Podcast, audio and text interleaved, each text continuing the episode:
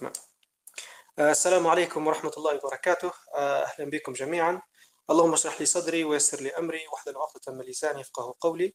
آه، بسم الله الرحمن الرحيم. نرحب بكم جميعا في الحلقة الثانية من المنتدى الفكري الشبابي. فالموضوع اليوم حيكون إن شاء الله على موضوع ال social media التواصل الاجتماعي. حنحاول ننظروا المرة هذه بتساؤلات ووجهة نظر مختلفة. إن شاء الله لو قدرنا من خلال الهدرزة معكم اليوم مش حيكون في ضيف محدد شخص ما بس أنتم كلكم حتكونوا ضيوف في الحلقة هذه. دوري إن شاء الله حيكون يعني فقط ميسر للنقاش هذا. نحاول مش حنكون أنا يعني مسيطر عليه بس عبارة عن تيسير. عندنا مجموعة من الأسئلة طرحناها. حنحاول نطرح بالسؤال ونحاول نسمع إجاباتكم عليه. حنحاولوا يعني ناخذ كل سؤال لك بحيث إنك تحس روحنا اكتفينا منه نوعا ما. ناخذ فيه ربع ساعة نص ساعة الله أعلم. حتى كان ما كملناش اليوم خلال الساعة ونص هذه الاسئله طرحناها. إن شاء الله حيكون في حلقة ثانية وثالثة وبعدها لأن زي ما تعرف الموضوع حساس جدا وتشعباته هلبة. يعني كل سؤال بروحه يكفي إنه يكون حلقة. لك إحنا بنبغى نسمع آرائنا. إحنا مش يعني ما ضبحناش على شخص متخصص في عالم ال social media لا لأن إحنا كنا نحس نفسنا متخصصين فيه كل واحد تجربته الخاصة آه، الظروف اللي شافها أقاربه كذا. أعتقد لو فيش حد فينا إلا ومر بتجارب. خاصة من بداية ظهور الإنترنت إلى حد الآن وإحنا نكتشفوا في المجال هذا بروحنا لأن ما فيش حد سبقنا. قال لنا راهو إحنا مرينا بحاجة اسمها ال social media وتعالوا نوريكم كيف تديروا. لا كلنا إحنا آه، من أول ما ظهر الإنترنت وطلعت الأجهزة ال smart phones وغيرها كل شيء وإحنا نكتشفوا فيه نتلامسوا نلمسوا في طريقنا وإحنا ماشيين. آه، صارتنا أخطاء صارتنا حاجات إيجابية تعلمنا تألمنا مرينا بعدة حاجات. فحتى ما نطولش عليكم حنبدأ نطرح السؤال الأول اللي هو وطبعا زي ما قلنا في تقريبا مش عارف لو حد مركز معنا إحنا علاش نطرحه في الأسئلة هذه كلها؟ لأن لما تفهم الشيء تصوراتك حتكون عليه سليمة حكمك عليه بعدين حيكون سليم. فعلى بركة الله حنبدأ بالسؤال الأول. نبو شوية كي نبو تعريف كي شنو هو التواصل الاجتماعي. من وجهة نظركم أنتم كيف تفهموا فيه موضوع كلمة social media أو social networking أو بالعربي نقول إحنا التواصل الاجتماعي أو وسائل التواصل الاجتماعي فيسبوك تويتر شنو هو؟ شنو شنو مفهومكم ليه؟ فاللي يتفضل بس مين يراغب في المشاركة. أيوه نقدر نتكلم. تفضل. الله يبارك بارك الله فيك يا عبد الرحمن. فيك بارك الله. والله التواصل الاجتماعي هي زي ما قلت أنت في نقطة مهمة جدا أن إحنا فتحنا عيوننا فجأة ولقينا في مصطلح جديد مرتبط بوسائل معينة اسمها التواصل الاجتماعي. والتواصل الاجتماعي هذا لو نجي يعني إحنا بنعرفوه آه، صوتي واضح؟ لو نجي نتكلموا عليه فكل واحد لربما يعطي مفهوم أو يعطي فكرة أو يعطي فهمة للأمر لكن في حقيقة الأمر آه، ان ان أن ربما هو آه، ما هوش تواصل اجتماعي بقدر ما هو ممكن هلبة حاجات ثانية. التواصل الاجتماعي لو كان بعيد على وسائل التواصل الاجتماعي المعروفة في الوقت الحالي فممكن إحنا آه، نعتبروه يعني تواصل بين أقارب تواصل بين معارف آه، زيادة آه، مثلا المعرفة بين أشخاص معينين إلى آخره. يعني ما نعرفش الأمور هذه مانيش متبحر فيها يعني ما نقدرش نختار مصطلحات بشكل دقيق. ولكن هذا هو في الحياة الواقعية العملية أن التواصل الاجتماعي هذا هو أنك أنت تتعرف على ناس أنك أنت تقوي علاقتك بهم أنك أنت تعزي تفرح معهم تحزن معهم إلى آخره. ولكن هذه في الحياة الطبيعية العملية حيكون أمر فعلا مجدي أمر فعلا حيكون فيه إيجابيات كبيرة جدا وهو جزء من باب صلة الرحم اللي الله سبحانه وتعالى وصانا به. لكن فكرة التواصل الاجتماعي اللي هي بين قوسين رقميا من خلال آه، برامج معينة زي الإنستغرام فيسبوك إلى آخره كلكم أدرى به أدرى أدرى بهم عفوا البرامج هذه فكرة التواصل الاجتماعي من خلال شبكة عنكبوتية من خلال عالم افتراضي من خلال عالم ما فيش حدود من خلال عالم آه ما فيش رقابة آه، في وجهة نظري ما هيش تواصل اجتماعي آه، بمعنى تواصل اجتماعي. هي ممكن تكون هلبة حاجات ثانية أكثر من ان هي تكون مجرد تواصل اجتماعي. آه، ممكن الكلام لخبط شوية لكن هذه وجهة نظري باختصار ممكن نزيدوا نخشوا في النقاش بعد. بارك الله فيك محمد. محاولة بس تلخيص للي قلته بحيث اللي ما جاش ركز معنا. محمد ركز على نقاط معينة. قال إنه هو الموضوع التواصل الاجتماعي في حد ذاتها كمفهوم عادة يرتبط بتعارف الناس بينها وبين بعضها وبين إن زي ما قال أضرب مثال الناس تعزي بعضها الناس تفرح مع بعضها وركز على نقطة اللي هي قال ان في فرق راهو بين الواقعي بين الرقمي. فمن حاب يكمل على النقاط هذه أو بيضيف شيء من عنده؟ آه أنا. تفضلي. آه أنا حنقول على موضوع التواصل الاجتماعي من وجهة نظري يعني. آه. مش حنتكلم عن المفهوم العلمي. وحنركز على التواصل الاجتماعي من الناحية التقنية يعني السوشيال ميديا اللي هو المواقع اللي إحنا نستخدمه فيها. هو طريقة التواصل آه زي ما إحنا كنا نمشوا سابقا مثلا إمكانات معينة نتلاقوا فيها مع الناس. آه ولا هذا شيء افتراضي. هو طبعا أكيد ليه سلبيات وإيجابيات. زي ممكن في ناس تمشي نوادي ثقافية وفي ناس ممكن تمشي مربية وكهوي تدرس في أي موضوع وخلاص. فهو باختصار هو طريقة تواصل مع ناس ممكن زي ما إحنا توا من أماكن مختلفة في ناس قاعدة في ليبيا في ناس قاعدة خارج ليبيا. فهو طريقة تواصل آه، في نفس الوقت لها آه، جانبين والسلبي لها على حسب يعني آه، استخدام الشخص. فلو كان يبي استخدامها سلبي ممكن يستخدمها سلبا ولو يبي استخدامها إيجابي فهو يقدر يستخدمها إيجابا. هذا هو. بارك الله فيك. لو سمحتي بس اسمك مش طالع لي كويس. أروى الأرناؤوط. أهلا بك أروى. تمام. يعني م- ملخص اروى نقدر نقول أن ركزت على موضوع التواصل الاجتماعي هو طريقه التواصل. من حد ثاني بيضيف؟ لكم الحرية تتكلموا راه أنا عندي رأي شوية بس. تفضلي ريتاج. ال- social media باختصار إن هو يقدر يستخدمها الإنسان اللي متعلم اللي عنده شيء محدد. ألو؟ ألو؟ نسمع فيك يا ريتاج. تسمع فيها النت عندي ضعيف شوي أنت ركزتي قلتي إن وسائل التواصل الاجتماعي عادة يستخدمها الإنسان المتعلم. فهي نقطة كويسة هذه يا ريت تزيد تشرحيها لنا أكثر. okay ب- يعني يستخدمها الإنسان اللي عنده شيء محدد يبي يستخدمه. يعني مثلا الإنسان آه، زي مثلا الأطفال ولا سن المراهقين هذه مش حيقدروا يستخدموا ال social media بشكل صحيح. فصعب عليهم يعني. هذه الحاجة اللي نواجه بها نقطة مهمة جدا. هي هذه نقدروا نسموها إحنا نقولوا الإنجليزي يقولها ال literacy يكون عنده ال- الأدوات إنه كيف يستخدمها بشكل صحيح. لو مش متعلم مش عارف كيف يستخدمها زي ما قلتي أنت الكبار حيضيع. حيضيع حيضيع. لأن لأن السوشيال ميديا فيها جميع الأديان وفيها جميع الجنسيات مش حي حينحرف في الطريق اللي هو مش عارفه. فعلا فعلا. في في تشعبات كبيرة. ممتاز. من حد بيضيف على النقطة هذه؟ إضافة بسيطة إن الفكرة قبل في التواصل كان آه، بناء على أشخاص يعرفوا بعضهم مسبقا. يعني قريب جار زميل عمل أي حد تعرفه تسافر لبلاد تانية يعني يكون في تقابل. إما يعني حيكون في نوع من أي أنواع المعرفة. آه، لكن التواصل الاجتماعي عن طريق الإنترنت فتح باب جديد إنه يكون في تواصل بين أشخاص آه، في أماكن مختلفة من العالم عمرهم ما تلاقوا. آه، يحملوا آه، عادات وتقاليد وديانات آه، مختلفة. ممتاز جدا. النقطه okay. في حد في حد بيضيف شيء؟ آه عندي نقطة أنا.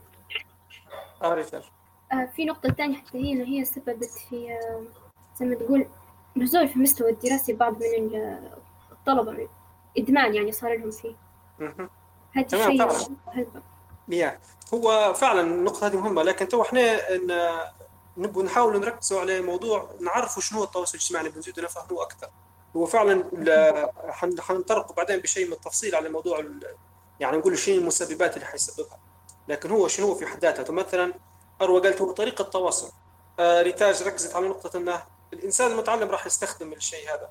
يعني شيء كان وسيلة تتطلب أن الشخص يكون متعلمها. مثلا حاليا نركز على نقطة أنه هو وسيلة أن الناس تعرف بها حد في مكان ثاني من عندها محاولة أخرى وزو- زاوية نظر أخرى للشيء هذا. ممكن نتكلم أنا؟ تفضلي صفاء. okay لما حسب ما حسب تعريفي لل social networking أو التواصل الاجتماعي بالعربية كلمة ال networking في في المجالات المهنية هي إنك أنت تكون إنسان قادر على أنك تنشئ علاقة آم، بينك وبين طرف ثاني سواء مثلا شخص أو هيئة أو منظمة بحيث إن الشخصين يكونوا في نهاية الأمر مستفيدين. فهذا تعريف التشبيك بال... بالمصطلح العلمي. فال social networking يعني التشبيك الاجتماعي لما لو الواحد يبي ينظر ليه يعني من ناحية آه علمية شو ممكن شو ممكن الشخص يستفيد؟ أو شو كان المرجو من التواصل الاجتماعي هذا؟ لربما لما تم إنشاء التواصل الاجتماعي أو هذا على الأغلب كان الكل يسعى أن تكون المنصة هذه منصة يتم فيها تبادل المصالح أو تبادل المنافع أو آه، أو حتى تبادل الخبرات. فمنها نقدر نقوله أو نسأله هل ال social media حسب ما كان مخطط ليها فعلا حاليا آه، وصلنا أو قدرنا نستفيد منها أو وصلنا للرؤية متاعها اللي محطوط لها يعني من قبل. أو هل أساء أو هل أسيء استخدامها. ف... فنرجو إن إن ال social networking هي إن الإنسان يتم آه، إنه هي مساحة لإنشاء أو بناء علاقات اجتماعية يتم فيها تبادل المصالح أو المنافع. يعطيك الصحة صفاء تعرفي مجموعة نقاط مهمة جدا. دائما نرى بعد ما حد يتكلم بنحاول ندير ملخص اللي أنا فهمته باش سهل على غيره صفاء ركزت على نقطة إن التواصل هو networking وإن في فائدة مشتركة. وطرحت سؤال مهم جدا. هل ال social media فعلا حققت الشيء اللي صممت من أجله ولا لا؟ من حد بيضيف؟ الكلمة لكم. أنا عندي آه، نقطة نبي نضيفها لو سمحت. تفضلي رفال إن ال social media هي بحد ذاتها شيء إيجابي. آه الشيء هذا إنه هو تكونت هلبة منتديات وهلبة علاقات ساهمت في إصلاح هلبة شباب كانوا يعني ضايعين فهمت؟ يعني مثلا هو في منطقة ومثلا النادي هذا في منطقة فسبب زي حلقة تواصل بدأ يمارس معاهم في الشيء اللي هو يحبه من منطقة تانية. من خلال مثلا الزوم ولا من خلال ال social media التليجرام هلبة مواقع. فعلا فعلا صحيح. فعلا. هي في حد ذاتها زي ما قلت أنت إنها آه، وسيلة إيجابية للي يعرف إنه يستفيد إيجابية منها. ممتاز. أي حد ثاني بيضيف؟ إيه، عندي إضافة لو سمحت. عندي تعقيبا okay. هيا بيك. بتفضلي أروى بعدين محمد. سيدات أولا. أنا عندي تعقيب إنه ال social media خلقت أشخاص غير حقيقيين. هذه سبب كارثه آه يعني فيها جانب هلبة آه كويس وإيجابي. يعني اللي يبي يتعلم حاجة قادر يتعلم من أشخاص مش موجودين في المنطقة وحتى في البلد بس الكارثة اللي من سنين بديت نشوف فيها أن نشوف في شخصيات غير موجودة فعليا على أرض الواقع. هي صح. آه، موجودة افتراضيا. ولما نجو نتكلموا معها حقيقيا يعني حتى الآراء آه، في ناس مش قادرة تقول رأي إن كان يعني كويس أو مش كويس على أرض الواقع لكن قادرة تقول على ال social media فهذا شوية حتى في مشاكل نفسية ظهرت عن طريق ال social media في ناس عايشين وهم مش مش واقعي دارين شخصيات وهمية على ال social media فهذه حتى هذه سببت شوية مشكلة يعني. وإحنا مش حنقدروا نعرفوهم مرات. صحيح صحيح. نتفق آه، جدا مع أروى. ومع معظم الكلام اللي انقال. وللأمانة هو موضوع شائك جدا يعني. كل كل تعليق قاعد ينعطى فيه مجموعة نقاط آه، ما واحد يعلق عليها فتلخيصك الامر مهم يا عبدو باش باش يتوجه نقاش. آه، نقطة أنا بس نعلق عليها ان قالوا ان أن موضوع ال social media فعلا فيه إيجابيات وفيه سلبيات الكلام هذا معروف في اي في أي آه، اختراع جديد. وال social media جت زي ما قلنا فجأة كشيء جديد في العالم تمام؟ الفكرة بس ان ان ان ما أعرفش صوتي آه، واصل ولا لا. الفكرة بس إن الأمر جاي بدون أي ضوابط بدون أي قيود آه، يعني لو إحنا نتكلم على الايجابيات والسلبيات أنا شخصيا من وجهة نظري وحكيت من بكري إن ما فيش حد فينا إحنا ما, ما, ما تلسعش في نار ال social media لكن أنا نشوف إن السلبيات للأسف الشديد أكبر بكثير جدا. ليش؟ لأن ال social media هذه مفتوحة. للكل لكل الأعمار لكل الأشخاص آه، زي ما قلنا بدون قيود بدون رقابة إلى آخره من الكلام هذا. فهم زي ما قلت هلبة نقاط ما بيش نعطل في الكلام فخلوا النقاش يستمر. تمام. أنا بارك الله فيك محمد. غير في نقطة بنحاول نلخصها على السريع اللي قالتها أروى اللي هي أن ال social media تعتبر كأنها منصة يتواجد فيها الوهميين. يعني نقدروا يعني انت ممكن تواصل عادي تشوف شخص قدامك تعرفه لكن في الاجتماع هذا نقول إحنا نتكلم عليه يعني على الإنترنت هذا انه بسهولة إنك يعني ممكن تطيح في شخص وهمي يعني ما هو مش نفس الشخصية حيكون على أرض الواقع. وممكن account fake يعني بالكامل ما فيش شخص وراه عبارة عن خوارزميات خلقت الشيء هذا أو حد ما حط اكونت وهمي بالشكل هذا. هذه بالنسبة للنقاط الأساسية يعني لو في مازال عندكم إضافة على موضوع السؤال الأساسي ما هو التواصل الاجتماعي؟ تمام؟ وخاصه نقصد راه بي اللي هو عليه على الإنترنت. أي إضافة أي إضافة؟ ولا ننتقل للسؤال اللي بعده. رشا تفضلي. بارك الله فيكم على المبادرة. أعتقد أن من وجهة نظر ثانية يعني وسائل التواصل الاجتماعي آه، هي يعني منصات ساهمت في أنها تجعل تخلي الأشخاص يعبروا عن نفسهم أشخاص ما كانش عندهم القدرة أن هم يتلاقوا مع العالم أو يتواصلوا معاهم يعني صارت عندهم مقدرة إن هم يعبروا عن رأيهم يتكلموا يشاركوا آرائهم اللي كانت ممكن مش ممكن إن هم يت- يتشاركوا بها في. في وضعهم من غير إنترنت ووسائل التواصل يعني وهالشيء ليه يعني جوانب إيجابية وسلبية في نفس الوقت يعني لدرجة إنه يعني ليه بعد نفسي ففي أشخاص يعني ولت يعني عوالم موازية بالنسبة لهم هربوا من الواقع متاعهم وخشوا في عالم موازية.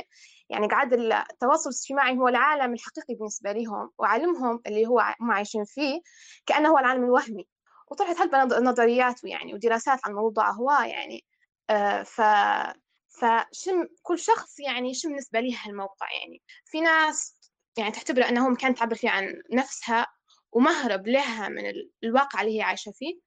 في ناس آه، دارتها ك يعني وس- وسيلة للترويج مثلا بتجارتها أو بشغلها أو هيك كل شخص على حسب. وفي ناس لا يعني مهرب بالنسبة لها فخذين كل وقتها آه، ممكن حتى في ناس تضيع لهم حياتهم يعني مرة واحدة يعني. فموضوع يعني هلبة متشعب وكل شخص حسب رؤيته للحياة كل شخص حسب رؤيته لكل شيء يعني كيف يصنف فيه في حياته. المفترض يعني تكون عندها نظرة خاصة يعني. بس أهم شيء إحنا شنو رؤيتنا للموضوع؟ شنو يعني آه، في مثلا في ناس إن هي عندها مثلا إن التواصل الاجتماعي آه، تواصل فقط يعني يعني وسيلة إنك تقرب تكون بها أصدقاء آه، تتعلم بها حاجات تتعرف بها على ناس يعني أعلى منها مثلا في في جوانب معينة من الحياة. فبالنسبة لها مستفادة بس في ناس ثانية لا يعني ما عندهاش ولا فائدة من الموضوع. فهل فعلا استحق إنني نضيع مثلا وقتي على شيء يعني مش مستفادة منه ولا استفادة. في ناس لا يعني سخرت ال- الموضوع لصالحها فهي يعني تروج لنفسها ومثلا في ناس مثلا أطباء أو أو تجار أو هيك فسخروا الموضوع لصالحهم وهم بهالطريقة يعني استفادوا منه وما ضيعوش الوقت يعني بتاعهم في شيء لا- لا طائل منهم يعني. فكل شخص وعلى حسب طريقة تعامله مع الأشياء في حياته.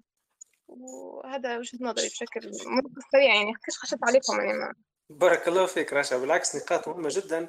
وأكثر شيء لفت انتباهي في اللي قلتيه اللي هو فكرة أن آه أن منصة لمشاركة الأفكار. يعني كل واحد يشارك فكرة. وهذا زي ما قلتي زي ليه جانب إيجابي وسلبي لأن عادة في بعض الناس تطرح أفكارها مش مبنية على علم ولا مبنية على أفكار. يعني نقول إحنا بالمصطلح المصري يقول لك هبد يهبد يحط أي حاجة يعني. وفي ناس تتلقى في الأفكار هذه وتمشي بها. والنقطة المهمة جدا هي موضوع العالم الموازي. هذا فكرني زمان بلعبة يقولها Second Life هي يعني عبارة عن simulation للحياة. تدير أنت أفاتار وشخصية ثلاثية الأبعاد وتعيش في عالم موازي فعلا آه، في في- على الإنترنت. تلاقى مع ناس تدرس مع ناس. وكان أثره سلبي بشكل كبير. ما كانش فيه شك يعني خاصة اللعبة هذه كانت آه، يعني سببت في آه، مشاكل نفسية لعدد من الناس. صار صار لهم انفصال عن الواقع. يعني العالم الموازي الإنسان بيضطر يعيش في عالم واحد يركز فيه لما يبدأ عنده عالمين يصير له انفصام شخصية لدرجة إنه توصل حتى الانتحار وغيره. هذا بالنسبة لي آه، فكرة العالم الموازي ونقطة مهمة جدا رشا صحيت عليها. أي حد ثاني يبي يشاركنا؟ الكلمة ليكم أي حد ثاني أوكي إذا خلينا ننتقلوا معناها للسؤال اللي بعده. السؤال الثاني حيكون على موضوع إحنا علاش أصلا نتواصلوا اجتماعيا من الأساس؟ طب خلينا نطلع من فكرة إنه هو إيجابي سلبي إحنا علاش نتواصلوا؟ إحنا البشر هل عندنا فعلا حاجة نفسية ضرورية إن إحنا نتواصلوا مع غيرنا ولا جاي شيء زايد؟ مين- هنتكلم. أنا ما فيش حد بيتكلم. تفضل يا روح أول شيء التواصل هو نقل خبرة. فلو أنا مثلا مرة تجربة ونقلت عن طريق التواصل الاجتماعي غيري حيستفيد من الخبرة هذه هو نقل معلومة. ونشوف إن هادو أكتر حاجتين مهمات. والجانب السلبي اللي هو نقل آه، صورة ممكن تكون حاجة فيها رفاهية حاجة فيها زهد هيك يعني حاجات زايدة ندير فيها ونبي ننقلها على حسب أنا شن المجال اللي قاعدة نخوض فيه يعني وننقل فيه تجربتي فيه. وممكن نقل خبرة شخصية يعني. ممتاز جدا. اذا باختصار أروى قالت إن هو الهدف من التواصل هو نقل الخبرات واللي هي ان إحنا نرفعوا على روحنا. ونقطة الرفاهية هذه نحس هي اللي واخذ السواد الأعظم من ال social media حاليا. صفاء تفضلي. آه، لماذا نتواصل؟ التواصل هو غريزة الحاجة للتواصل غريزة في نفسية الإنسان في نفسية البشر. يعني هذا عن تجربة يعني تخيل روحك قاعد في بريطانيا في lockdown ستة شهور وشوف يعني أنت محتاج تتواصل ولا لا؟ محتاج تتواصل. جدا. جدا فوقها يعني. فهذه غريزة. بس شوي نقاطعك. هنا في ال lockdown لما صار والله تمنيت نتلاقى مع قطوسة. والله حتى قطوسة نفرح بها. انحبسنا والله انحبسنا فعلا. فكملي كملي غريزة فعلا. فهذه هي غريزة. السؤال اللي يجي بعدها هل التواصل الاجتماعي عن طريق الإنترنت ال social media يغني عن التواصل الحقيقي أو يضاهيه أو يقاربه؟ فعلى حسب ما من ناحية سيكولوجية أو من ناحية نفسية وعلى حسب الدراسات يعني في حاجات يعني مرت علي إن التواصل الاجتماعي اللي هو الافتراضي مستحيل يغني عن التواصل الواقعي لأن مشاركة المشاعر ورؤية الإنسان شخص قدامك ويتفاعل وتتفاعل مع تعابير وجهه صوته حركته كله وجوده قدامك هذا مستوى ثاني من التواصل مستحيل تغني عليه ال social media. فعلاش باهي؟ في ناس يلقوا حاجتهم في محطات ال social media أو أو في على الإنترنت عموما. ممكن ممكن التواصل ممكن ال social media أو الإنترنت يعطيهم إحساس بالأهمية وهذه غريزة ثانية في النفس البشرية. فهو لما لما يدير دوشة على الفيسبوك و... وينزل في منشورات ودورة دورة منشور ويحصد في لايكات و... ولافز و...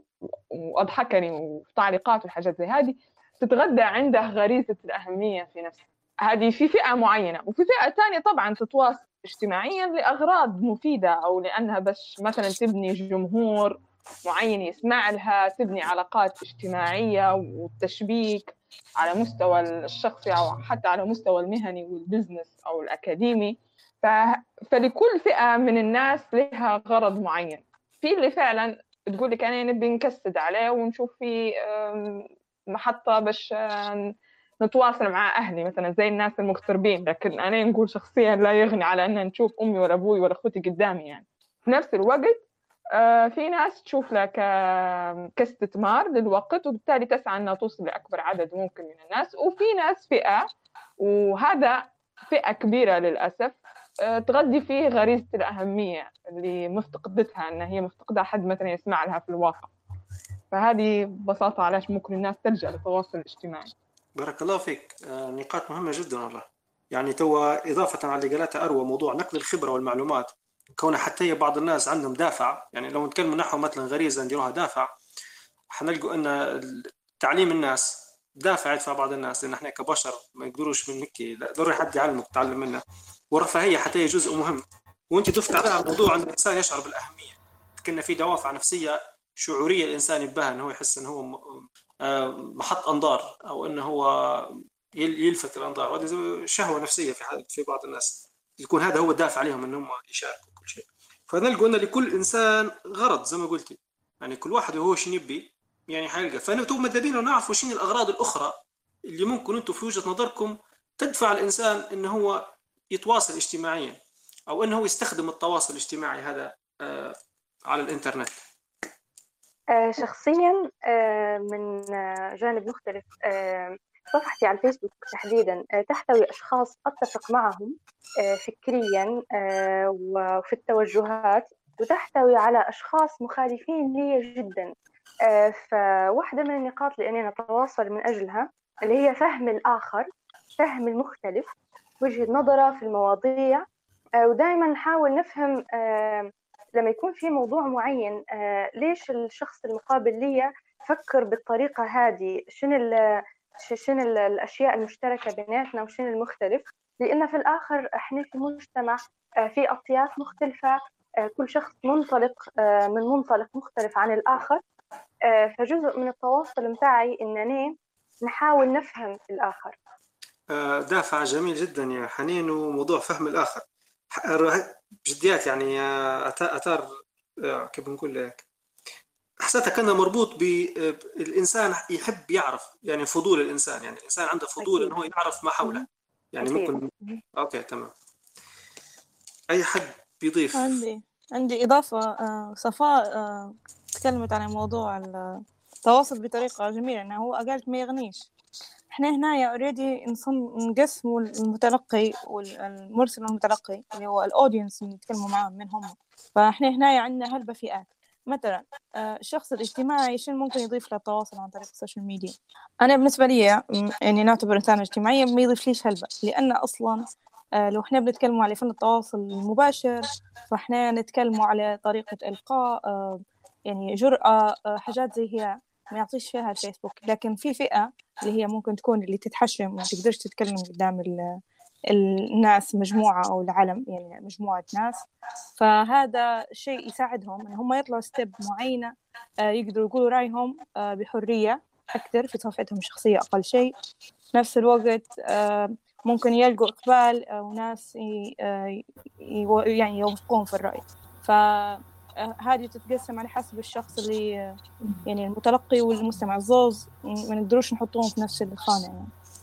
آه عندي سؤال توا مش عارف لو آه تو استلهمت من كلامك يا اروى بخصوص إنه في فرق ما بين الشخص الاجتماعي وغير الاجتماعي وان حد بينزل. تو اختار في بالي شيء. يعني هل في فرق ما بين نتكلم على الفيسبوك كفيسبوك كمثال يعني اللي هو معظم التواصل فيه حيكون نصي عبارة ناس تنزل post تنزل صورة شيء تحطك يعني اوف لاين تحطك يمشي حد يتفرج عليه. وإلا في فرق بين تو مثلا على سبيل المثال اللي طلع جديد تو خاصة زي نقول كلب هاوس تو حاليا تليجرام اللي هو نقول إحنا زي تو اللايف شات آه الناس تطلع فيديوهات فيسبوك مؤخرا دائما حاسين موضوع إنك تكتب تصور في سيلفي فيديو تروح تتكلم. هنا يطرح سؤال هل هنا في فرق ولا لا ما بين وسيلة التواصل نفسها داخل التواصل الاجتماعي؟ إن شاء الله كلامي واضح بس. آه، عندي إضافة أنا تفضل. الجهة بتاعت الاجتماعي والغير اجتماعي أنا حد ذاتي ناس استفدت منها من حيث من شنو جهة اللغات يعني أنا تواصلت مع ناس قدرت نطور اللغة متاعي مع ناس تانية مش شرط إنه يكونوا ليبيين ولا في الجروبات الليبية اللي هنا ممتاز فهمت علي؟ ممتاز إيه إيه. يعني من, ش... من ناحية اللغات لأن أنا في لغات هنا ما قدرتش من هدرس بها سواء كان writing ولا speaking ولا شيء تاني مش كل. الليبيين مش كل الليبيين يقدروا مثلا عندهم مثلا الجرأة إن هم يتكلموا. صحيح. في اللي في اللي تلقاه داس روحه ورا الشاشة مجرد إنه هو ينزل صور بس. هذه أنا استفدت منها من ناحية اللغات. إني أنا تعرفت على ناس جديدة من آه، دول تانية. بدأت إني أنا أعرف ديانتهم ونعرف أنا آه، يعني تاريخهم ومنهجهم. مراجع عندهم أنا استفدت بها. هذه من ناحية كويسة. أنا اجتماعيا آه، طورت روحي اجتماعيا مع إنه كنت مش اجتماعية بكل. ريتاج تو قالت نقطة مهمة جدا اللي هي موضوع أن في بعض الناس تفضل البقاء خلف الشاشة وفقط ينزل صور وحاجات زي هذه. شو عندك كيف تقدر تفسر لي الموضوع هذا؟ يعني علاش إنسان يخاف هيك يظهر ويبان ويقعد من وراء الشاشة هيك ينزل؟ شنو الدوافع اللي تدفع يدير شيء زي هذا؟ من عنده إضافة؟ أنا آه، أها تفضلي صفاء. صفية. أنا كيف جاتك مع الطراطيش أهلا بك. آه فكرة آه، ردا على سؤالك قلت هل تختلف مثلا فيسبوك على الانستغرام ولا كذا؟ هو أنا في رأيي الشخصي الفيسبوك ما يعبرش على شخصية الإنسان. أنا شخصيا نحس فيه يعبر على فكرة الإنسان دماغه شن فيه. مرات أحيانا أنت مثلا في ناس يقول ديما يسألوا فيه سؤال هل نقدر أني نفتح صفحة الشخص ونقول هذا الإنسان اجتماعي هذا إنسان آه، مرات نحس إنه هو جاد؟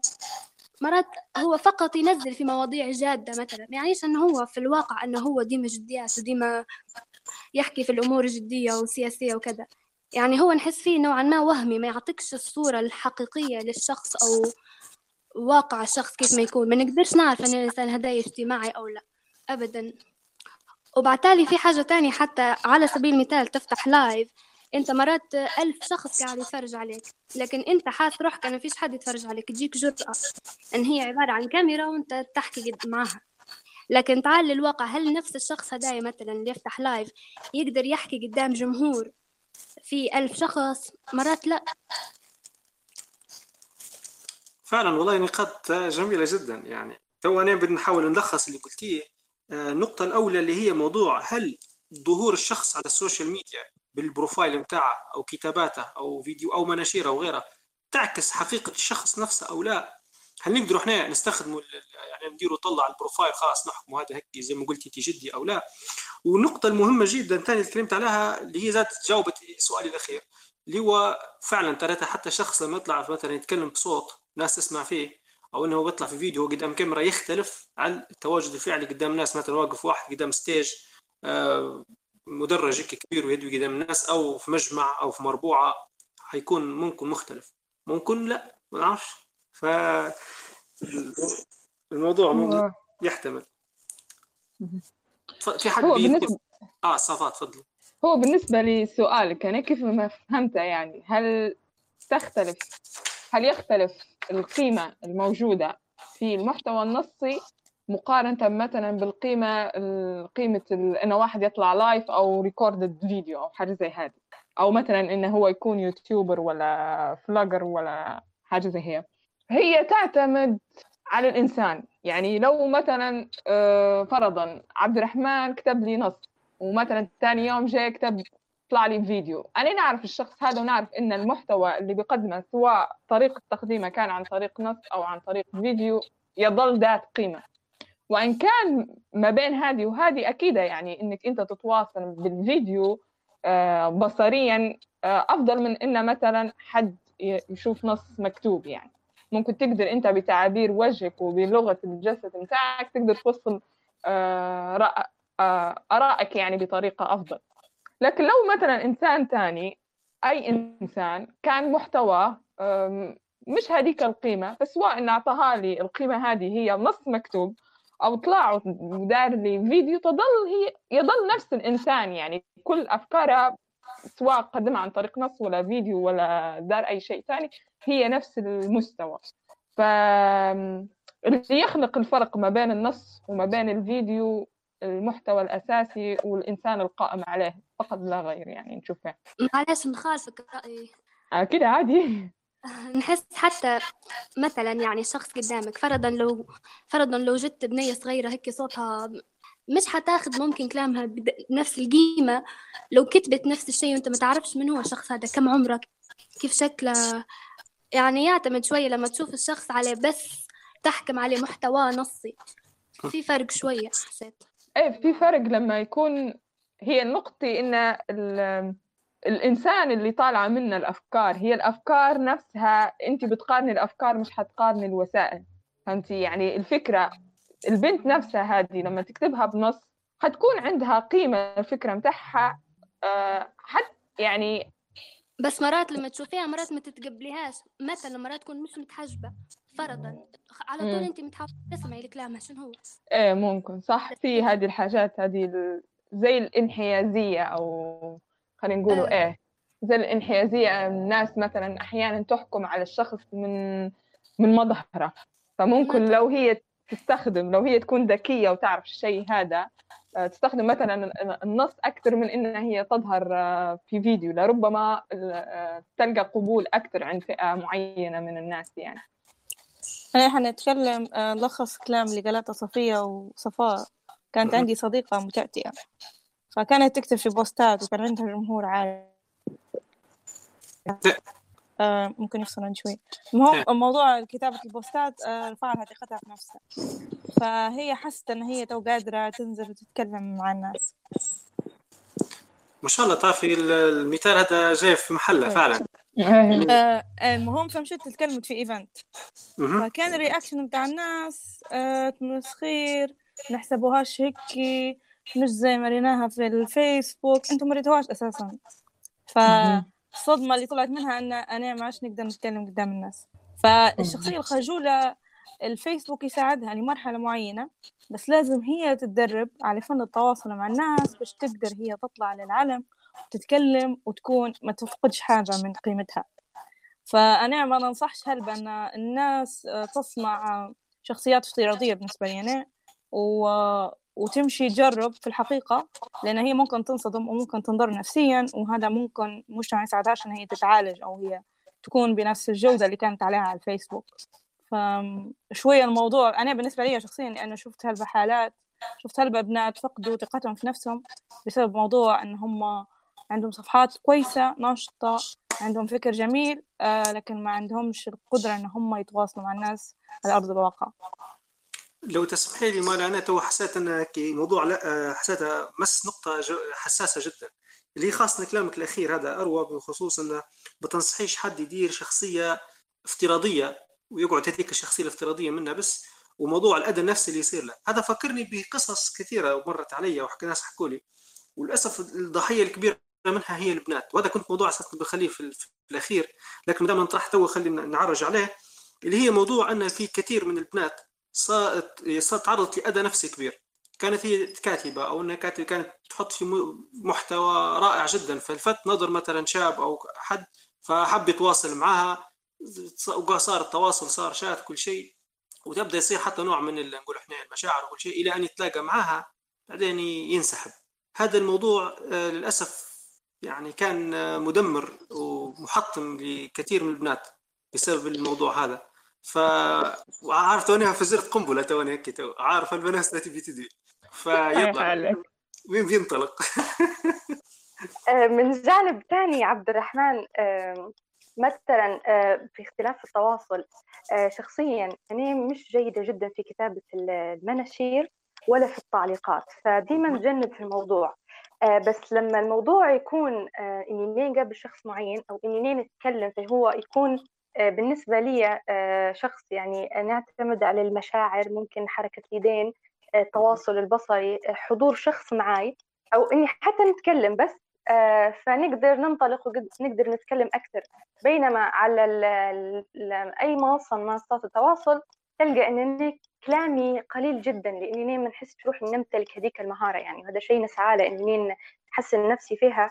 بينما في الحياة العملية أو هيك صوت آه، أو لقاء آه، يعني آه، يكون هيك وجها لوجه نكون فيه أفضل يعني فهذا جانب مختلف فعلا الناس تختلف في قدرتها في. التواصل الناس تختلف في. لغة الجسد بتاعها حتى يعني. موضوع يعني أنا نعرف ناس يقولوا لي أنا الكمبيوتر ما نحبهاش والتليفون ما نحبهاش ما نعرفش نستخدمه وهيك صارت لها عقدة نفسية منها إنه ما يحبهاش وهو أكيد مش حيكتب وأكيد مش حيبان في ال social media فمن يعني احس من من الغباء إن الشخص بيحكم عليه بناء على profile ه شنو حط أو شنو ينشر وكذا لأن هذا ما يعبرش تعبير حقيقي عن الشخص. فمن بيضيف هذا هذا يعني اللي قلته تكمل على كلام يعني. السلام عليكم.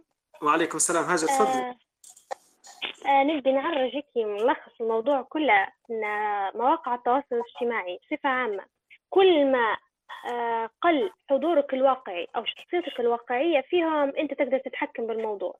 يعني كتابة أنت مخفي أكثر من جانب من حياتك. أنت مخفي شخصيتك أنت مخفي شكلك أنت مخفي صوتك. فأنت ممكن في هذه الح- الحلقة تقدر آه، بكتاباتك لو كانت هي كويسة فإنك أنت آه، تضم ليك هالجماهير كل ما الموضوع يزداد واقعية تبين صوتك أو تبين شكلك كل ما الناس هنا بتنقسم في ناس بيعجبها شكلك وبيعجبها صوتك أو في ناس لا. فأنت حتى حت ينقص جمهورك شوية. فهذا أعتقد الفرق بين الحياة الواقعية. ليش الناس تميل للسوشيال ميديا؟ لأن الحياة الواقعية أنا لما نحتك بك نحتك بشكلك نحتك بصوتك نحتك بمشاعرك نحتك بمواقفك نحتك بكل حالاتك. أما في ال social media فأنت تقدر تحدد أنت شنو هو اللي تبي الجانب اللي تبي تطلعه. شنو هي الأفكار اللي تبي تطلعها؟ شنو هي المشاعر؟ شنو هي المواضيع اللي أنت حسيت بها وحبيت أنك تتكلم عليها؟ فكل ما قل الواقعية كل ما كانت أكثر عندك تحكم في الأمور. بس هذا هو حبيت التعقيب اللي نتكلم عليه. بارك الله فيك هاجر نق- نقاط حساسة جدا مهمة. أي حد تاني بيضيف مش عم بلخص أنا كان بلخص كل حاجة ما عادش بنتم. أنتوا تو احكوا بس. آه أخوي تميم. آه. أنا ما شفتش الواحد. أخوي تميم كان بيتكلم آه المايك معك فتحته تو. okay باهي. ما أنا ما أنا خليني نعلق. أنا عندي عندي شوية حاجات نبغى نضيفها. أنا في وجهة نظري آه في موضوع خاصة النقاط اللي ذكرناها كلها عملية ال social media في حد ذاتها نظرتي لها شنو هي؟ آه كيف؟ okay تفضل أخوي تميم. الله يبارك فيك. صوتي واضح أنا واضح 100% تفضل. تمام شكرا جزيلا بارك الله فيك. قلت لك آه، نقطتين على السريع. النقطة الأولى هو لكل شخص دائما في صوت داخلي عنده موحد يفترض أنه يكون آه، شخص وعنده صوت داخلي. ال social media من الأشياء اللي دارتها أنها أصبح الصوت الداخلي. ليس شخص- يعني أصبح ليس النسخة الحقيقية ممكن نقول من الإنسان من الشخص. أصبح عدة أصوات داخلية. فيه الصوت الداخلي الطبيعي لكل إنسان يسموه الضمير أو شيء. وفي أصوات أخرى اللي هي على ال social media على تويتر على الفيسبوك على الانستغرام وغيرها. فأصبح النقاش بين الشخص ونفسه آه، مع شخصية حقيقية ومع شخصيات أخرى غير حقيقية مزيفة ممكن نقولوا نحن هذه من الأشياء. فيه النقطه الاخرى فيه كتاب جميل ننصح كل من يسمعنا الآن بقراءته. هو صادر تقريبا ممكن من آه، سنة. اسمه حضارة السمكة الحمراء. موجود حاليا هنا. في طرابلس يعني. حضارة السمكه الحمراء. يحكي على هذه النقطة تحديدا. شخص مختص جدا ويعني كتاب جميل جدا. ننصح الكل بقراءته. مشكورين. أخوي تميم لا لا ما في ما فيش مشكورين. راجع شوي. تهربش. نبيك اعطينا شوية ملخص اعطينا هيك فكرة عن. نستمع احكي لي عليه شوية بس بس ن- جينا الفضول نبحث ندور الكتاب. على؟ عشان يحكي. آه نعم هو يحكي على طبعا هو مش موجود. PDF ربما في قراءات.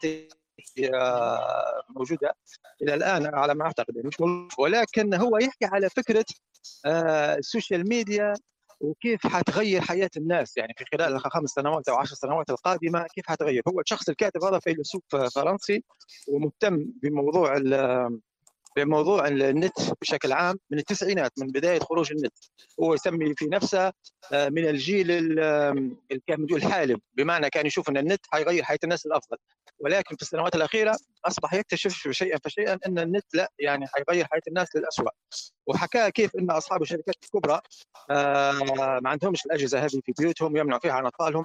حكى على الفيلم ربما تعرفوه أنتم فيلم المعضله الاجتماعية آه، بعض من تقدم استقالتهم من آه، من الشركات زي فيسبوك وكذا على موضوع لماذا هم قدموا استقالتهم في اعترافات خطيرة الفيلم يعني. أيضا اللي شافها ممكن يشوفها اسمها المعضله الاجتماعية.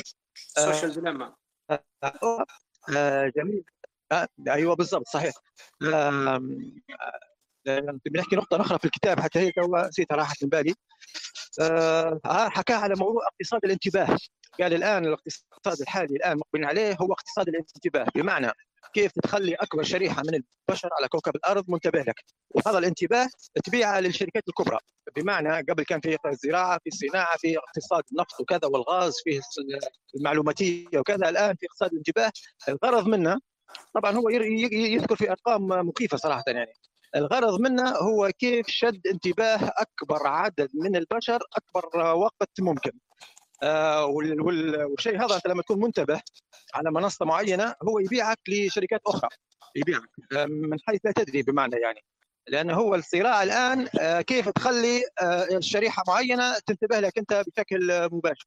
آه، يعني فيها إحصائيات وفيها أرقام آه، يعني صراحة مخيفة شوية وكتاب جميل والله كتاب جميل جدا. الله يبارك فيك الله يبارك فيك. والله اثريتنا واحتيت تو أنت حطيت يدك على مشكلة كبيرة اللي هي موضوع اقتصاد الانتباه وال attention اللي صاير. هي كيف إن حتى عملية برمجة أو صناعة التطبيقات هذه بتاع التواصل الاجتماعي يعني صممت لجذب الانتباه.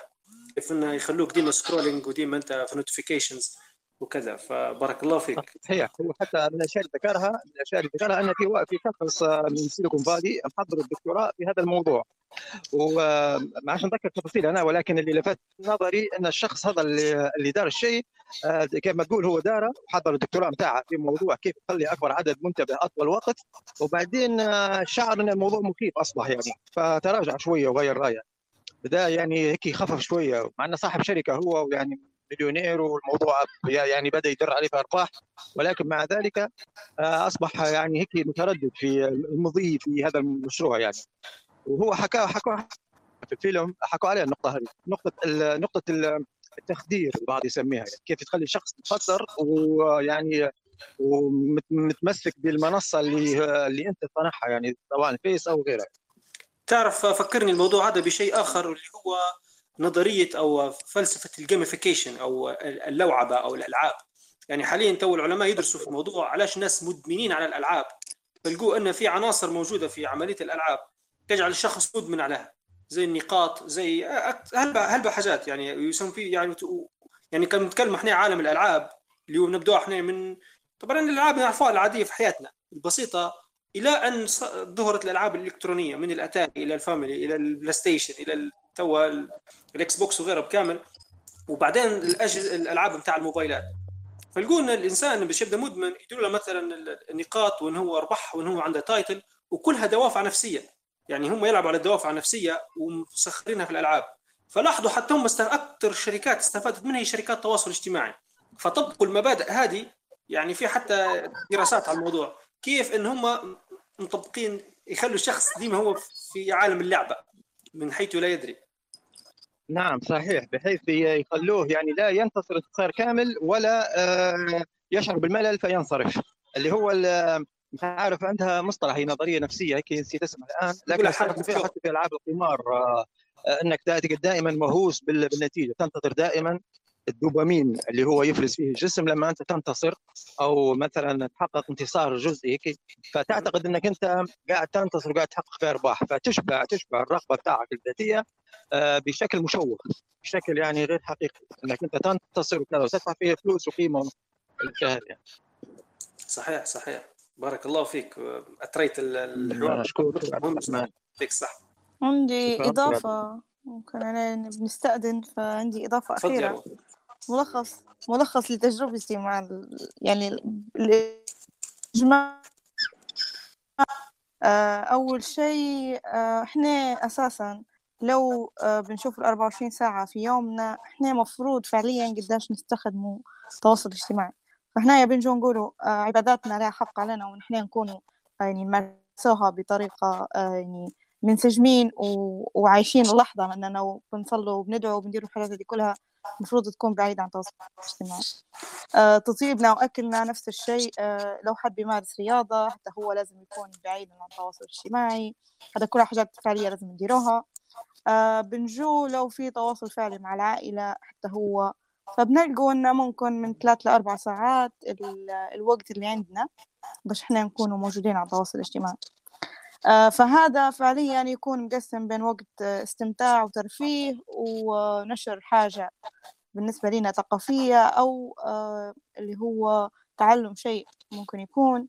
لأن أصلا فعليا حتى الجامعات بعد ما قررت أونلاين لقيت جزء من من التعليم يفقد فيه الطالب ما يوصلاش التعليم بطريقة كويسة. فأنا بالنسبة لي بعد سنين من يعني شنو نقول تقاميزي على الفيسبوك و... وحتى لو كنت نستفيد فبالنسبة لي الاستفادة يعني ما نبيش ناخذ أكثر من ثلاثة لأربع ساعات ففعليا هو عالم افتراضي بالنسبة لي.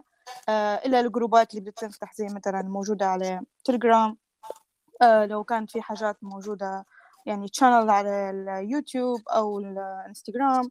الباقي بالنسبة لي معش بالنسبة لي عالم افتراضي. هذا الملخص بالنسبة لي يعني. بارك الله فيك أروى يعطيك الصحة. تفضلي علاء. السلام عليكم. بداية الجميع على الإشتراك الله فيكم فيكم. آه بداية معرفكم بنفسي. ألا الصادق طالبة في كلية القانون وشغلي حاليا في كتابة المحتوى وكذلك في الصحافة. بالنسبة فتو علاش أنا خشيت على المكالمة وحبيت نتكلم. نبي نشرح وجهة نظري في كل الأفكار اللي انطرحت من من تجربتي أو من واقع حياتي. بالنسبة للمواقع التواصل الاجتماعي والإنترنت بشكل عام ما عادش يقدر ما عادش يقدر الإنسان إنه يفصل روحه عنا علاش لأنه حاليا قرايته عمله أقاربه مثلا اللي برا اللي حواليه كل شيء مربوط به. فحتى أنت لو قررت أنك تقلل استعمالك اليومي ليه مش حتقدر. على سبيل المثال في العمل متاعي دوام اللي هو من الساعة 9 الصبح لعند الساعة 4 العصر في العمل. تمام العمل متاعي علشان يرتكز يرتكز على النت في الدرجة الأولى. لما نروح مرات قصدي محتاجة إني نشوف يعني في حاجات لليوم الثاني وهكذا. بالنسبة لقرايتي جروبات الدفعة التواصل مع الدكاترة أعضاء هيئة التدريس وغيرها. بالنسبة كذلك للأقارب عندنا أقارب برا بنتواصل معهم بنطمن عليهم. فمواقع التواصل الاجتماعي زي ما تاخذ منك تعطيك.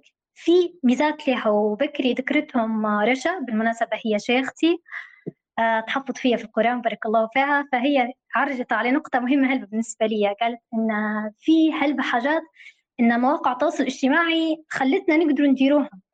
ولولا المواقع هذه ما كناش حنقدر نديروهم. زي مثلا في تحفيظ القرآن كنت على مدار سنتين ندور في شيخة قصدي هم للأمانة قصدي كلهم كويسات وهيك بس ندور في شيخة متناسبة معي قصدي تتناسب معي.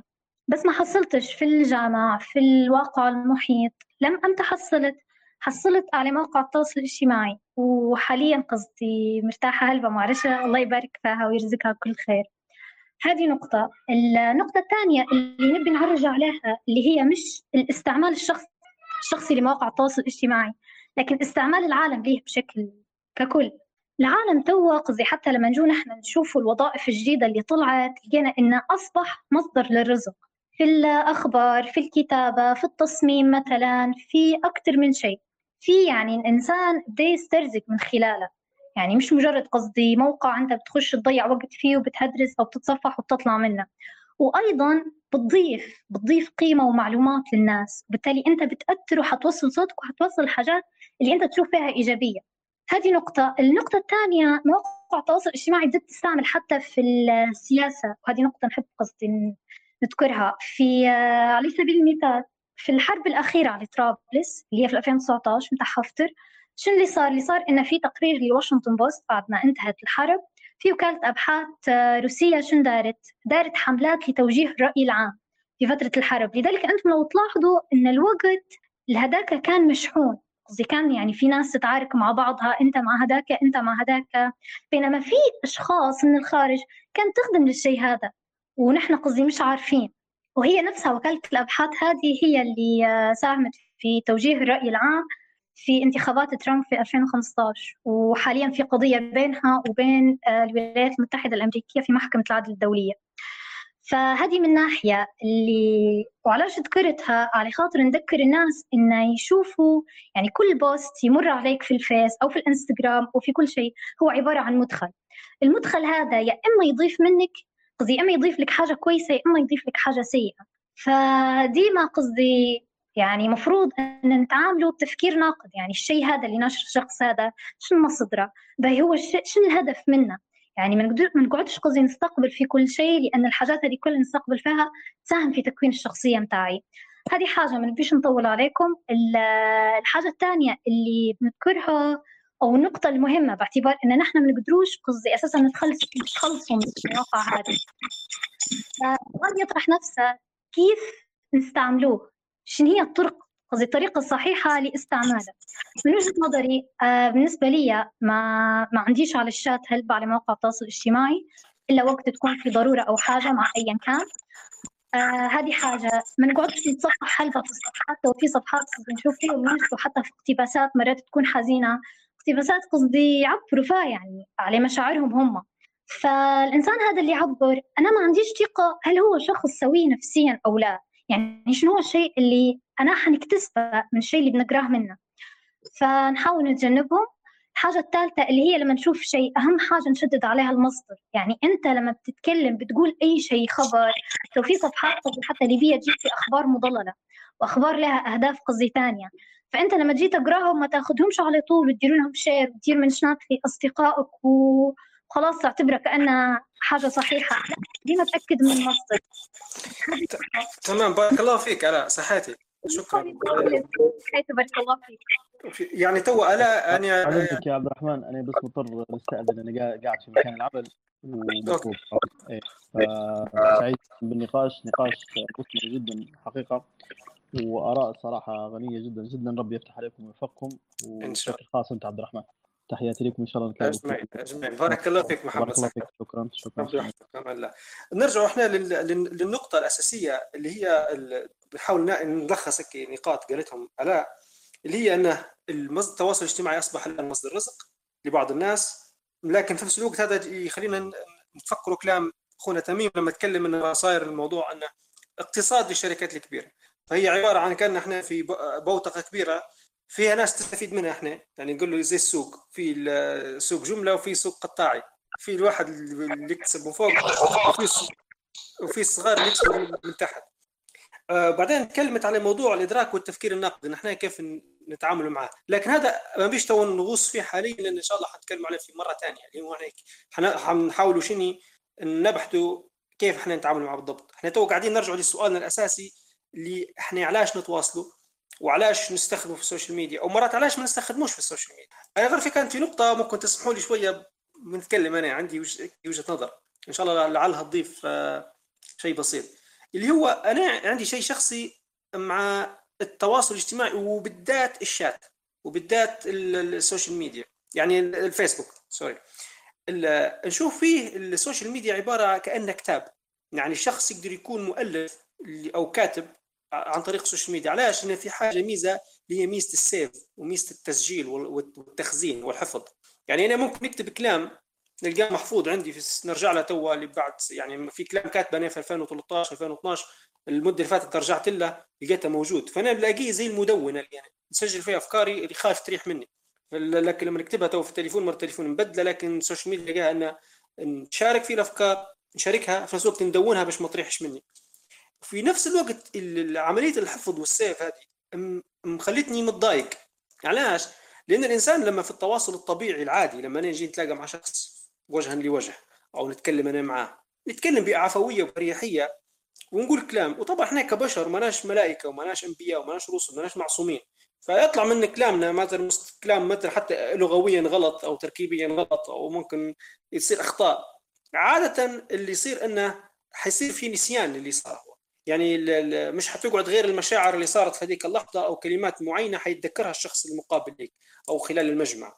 لكن مشكلة التواصل الاجتماعي والوسائل الجديدة ان تدير لك سيف وتخزن عليك وينشد عليك وتقعد أنت الكلام اللي قلته هذا يعني محاسب عليه ويصير يعني يطلعوا لك زي ما يقولوا يطلعوا في الرز عظام. آه يعني وناس مش حتتقبل شيء زي هذا مش زي ما يكون في الكلام العادي. فإحنا من بشر من الحاجات اللي ربي اعطانا فينا ميزة النسيان نقدر ننسى فندرس معك توا غدوة خلاص نسيت. فنتذكر الشيء المهم المهم. اللي كنت لذلك أنا عندي طبع شخصي. لما نخش في شات مع حد على في أي مواقع ماسنجر ولا أي شيء يعني عادة بعد الحوار ندير فيه delete لل records كلها للمحادثات اللي صارت. نفسيا ما نحبش إن نقعد بعدين نرجع نرجع نراجع شنو كتبت شنو نعلق شنو كتبت أنا وياه شنو قلت. هنا مرات يخش حتى الشيطان في الموضوع ويوسوس لي وينكد علي أنت علاش قلت هكي تقعد تخش في الندم؟ وعلاش؟ ويا ريت ويا ريت. فعملية إن ال delete هذه وأمسح هذا نوعا ما محاكاة للفطرة إن الإنسان ينسى بطبيعته. فممكن بعض الناس فعلا تتجنب تطلع في فيديو في, في ال social media تتكلم ولا تطلع آه، بحيث إنه ما يبيش حاجة تقعد نسجل عليه. خاصة تو زي ما نشوفوا في بعض السياسيين وغيرها يردوا لهم في اللي قالوه في 2000 مش عارف قداش. ويشدوا عليهم. ومعنا وننسوا إحنا ننسوا أن الإنسان أول حاجة يتطور مع الزمن. يعني هو في سنة 2010 مش نفس تفكيره في 2020 معلوماتها زادت افكارها تغيرت حتى قناعاتها حتى ايمانياتها ممكن الشخص تتغير. لكن في لما إحنا نتعامل معها في ال social media ديما بطبيعتنا يعني لين الواحد يكون بتفكير ناقد زي ما قالت. لا أنك أنت لا لا ما بالكش الشخص تغير رأيه بالكش يعني علاش نحكم عليه بالشكل هذا؟ هذا عادة الناس تنسى فيه. هذه بس إضافة حبيت نضيفها والكلمة لكم طبعا ما بنقطعكم مازال نحن ربع ساعة. أه قولوا ما تشاءون. هو أنا نبي نعلق على حاجة قالتها ألاء. هل الإنسان يقدر يفصل يفصل روحه على ال social media أو على الإنترنت هو عموما إيه ولا لا؟ هو فعلا ما يقدرش يفصل روحه على ال social media يعني كليا بنسبة 100% وال... والطريقة اللي ممكن يقدر يتعامل بها آه إنه يعرف كيف يستخدمها. في حاجة من مدة قريت كتاب عنوانه بالإنجليزي Deep Work آه العمل العميق أو حاجة زي هذه. آه يحكي على آه مشكلة آه مشكلة الإنترنت وتأثيرها على الإنتاجية أو تأثيرها على قيمة الأعمال المنجزة وخصوصا في عصر العمال نفسهم أو الموظفين معتمدين بشكل كامل على الإنترنت أو على المعلومة اللي هي هم يسموا فيهم النولج workers اللي خدمتهم كلها معتمدة على المعلومات مش معتمدة على سكيلز يعني مش معتمدة على مهارات مثلا إنه يكون نجار أو حداد أو رسام أو حاجة زي هذه.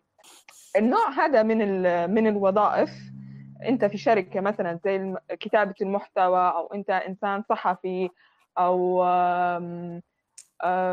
أو حتى مثلا طبيب أو محامي أو حاجة زي هذه أو تخدم في شركة ديما حتلقى روحك أنت بحاجة الإنترنت تاخذ منها معلومة.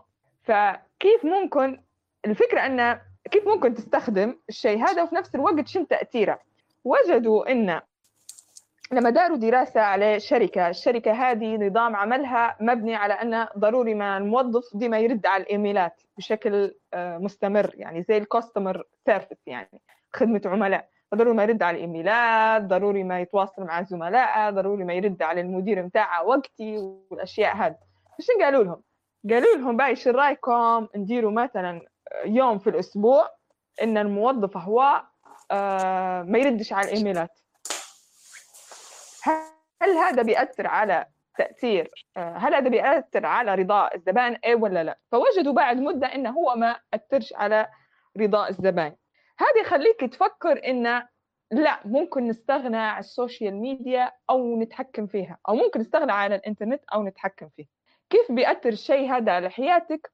يأثر لما عملك أو وظيفتك مبنية على إنك أنت ضروري ما تنتج قيمة عالية. شو معناها مش قيمة؟ آه، شو قصدي بالقيمة العالية؟ يعني عمل مضمونة قيم بدرجة آه، أكبر من العادي. آه، it's above the average يعني أكثر من العادي. يعني مثلا إنسان باحث ريسيرشر أكاديمي ممكن ينشر ورقة علمية أو بحثية في مجلة مثلا مصنفة في الربع الثالث لما يكون distracted لكن لو قطع روحه أو دار نوع من ال isolation بما فيهم انه هو يقلل ال distraction بتاع ال social media والانترنت ممكن في هذه الحالة ينتج عمل أو أو بحث قيمته مثلا تكون مناسبة للربع الأول من من تصنيف من- التصنيف العالمي لل- للمجلات.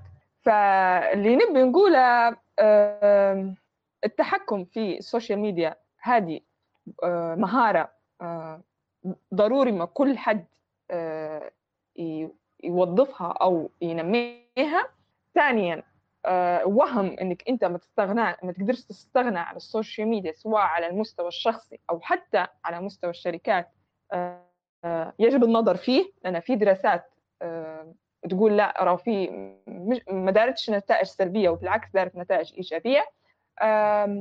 وتقريبا هيك هذا ملخص الكلام ممكن أنا هيك شوية لخبطها لكن الفكرة ان تقدر تستغنى عن السوشيال ميديا هي هذه هي.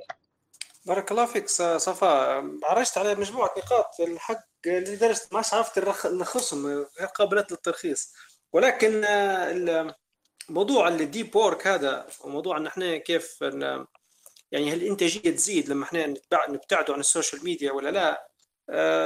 هذا سؤال أعتقد الجميع المفروض يفكر فيه لأن أنا عن نفسي يعني واحدة من الأسباب توني علاش نتكلم معاكم هنا في التليجرام آه ونحاول تو حاليا ننسحب تدريجيا من الفيسبوك لأن الف- الفيسبوك لاحظته فعلا يسبب لي تشتيت يعني مع إني يعني شو نقول لك لي سنوات يعني استخدم في السوشيال ميديا الفيسبوك من 2009 وكذا و groups ودنيا و... لكن ومع ذلك حي... لقيتها على نفسي أنا شخصيا مع شخصيتي اللي يسبب لي فيه تشتيت الحق. وعملية اني بنحاول كيف نسيطر عليها لقيتها صعب صعب جدا. لقيتها أفضل شيء إنها تسكر بابها وخلاص ضروري نطلع منها. ف ولكن كلامك مزبوط. فعلا الإنسان يعني محتاج يتعلم المهارة هذه كيف يسيطر عليه وال... وإن شاء الله نقدر الشيء هذا. ف أي حد عنده إضافة ثانية؟ الإضافة هي ممكن آه، أها في حد؟ ملاك ولا حنين؟ آه، الإضافة إن آه، موضوع التقنين آه، شخصيا آه، من فترة فتحت الفيسبوك آه، كنت نقضي عليه بساعات طويلة. آه، بعدين نتضايق أنا قعدت عليه ساعات طويلة. بعدين بديت نسأل في نفسي أنا لما سكرت توا شنو؟ هم الحاجات اللي استفدت منهم. فنلقى أن الاستفادة قليلة جدا. آه، فبدأت نحدد في الأشخاص اللي أنا مهتمة بالمحتوى بتاعهم آه، بمختلف المجالات. نحط فيهم مثلا في ال see first ولا نبعث لهم طلبات صدا- صداقة ولا ندير في متابعة والباقيين بدأت ننحي فيهم قدر المستطاع. لأن الفيسبوك آه، أصلا يشتت ففكرة ال- الإعلانات من كل مكان آه، ال- الأشياء المقترحة آه، مشتتة جدا. فالحل لها أو أبسط حل إن يكون مثلا بدل ما تفتح من ال application في حد ذاته بديت نفتح من ال browser. لأنه صراحة ممل جدا. الإعلانات تنقص شكله أصلا مش مش جذاب. هلبة الناس بدو مثلا محددين؟ فهذا كله ينقص في اهتمامي به. زيادة على السؤال كل ما نفتح أنا شو استفدت؟ شنو هي الحاجة اللي طلعت بها؟ نفس الشيء بالنسبة للإنستغرام أنا ما كنتش نفتح فيه. بس الفترة الأخيرة هو موضوع مهم موضوع فلسطين. خلاني نفتح على خاطر ال live ات. ونشوف يعني نتابع فيهم. فلما فتحت من ال browser بس يطلعوا لي الناس اللي مديت لهم أنا follow ما فيش أي حاجة مثلا ما فيش حد طلع لي ما نعرفاش ما فيش story ات زايدة ما فيش اقتراحات. آه، مرة من المرات جات نبي نجاوب آه، على سؤال قال لي لازم تنزلي ال application لما نزلته نتفاجأ بكمية آه، اقتراحات وحرفيا حسيت في حد يجري وراي يعني أنا نمشي في ال في ال في ال timeline ونلقى إن في اقتراح اقتراح فيديوهات من كل مكان حاجات أنا مش مهتمة بها. فحسيت كأنه صار لي hacking فقررت إني ليه ما عادش حنفتحه من ال application آه، حنرجع نفتح فيه من ال browser لأنه يعتبر مقنن أكثر. آه، وهو مش حل نهائي بس آه، كنوع من تقليل التشتت يعني. وهذا هو. بارك الله فيك. يعطيك الصحة والله. خاصة تو يعني تو على موضوع كل شيء نعمة الأنفولو. في ناس للاسف أيوه. فولو فبس لكن أنا مشكلتي الأساسية مع الإعلانات صراحة. مش أنا نحس بنفسي أنا بفطرتي ما نحبش نكون مضحوك عليه. نحس نفسي لما نقعد موجود فقط حتى الثواني دقيقة نحس روحي يربح فيهم. لأن نعرف أن كل إعلان عملية النظر لي بالثواني وعمليه ممكن الوقف عليه هو يربحوا من وراه في فلوس فنحس نفسي زي فأر تجارب يعني. هذا اللي اللي حاس في نفسي الحق. وخليني فيها نطلع من الموضوع. ملاك الكلمة معك. السلام عليكم. آه أنا عندي مداخلة موضوع آه، بالنسبة لي مقدار الفائدة مقارنة بالضرر. هو صح الفيسبوك عنده هلبة فوائد أو حتى المواقع الاجتماعية بصفة عامة عندنا فوائد لكن كيف يقدر الإنسان يوازن بين الاستفادة اللي ممكن يستفيدها ومقدار الضرر اللي هو ممكن حتى يكون مش ملاحظة؟ في مثلا سواء كان إدمان سكرولينج أو الإشعارات أو حتى إنك أنت بس إنسان يعرف إن عالم افتراضي ولازم الوقت يضيع عليه شوية من الوقت بتاعه. آه، شخصيا لي ممكن فترة طويلة نحاول نتحكم في الوقت يعني ممكن نقضيه على الفيسبوك ولكن فشلت في الموضوع هذا فسكرته وخلاص.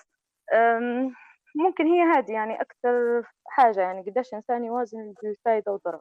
آه، حتى المدخلات اللي ممكن تخش على الإنسان إنه هو يكون مش مدركها حتى كمواضيع أو post ات يقرأ فيها وهي هذه ممكن. بارك الله فيك ملك صحات فعلا الموضوع تعليق أخير هو. أوكي تفضلوا تعليقات لكم صار خمس دقائق. أنا عندي إضافة لو سمحت. okay.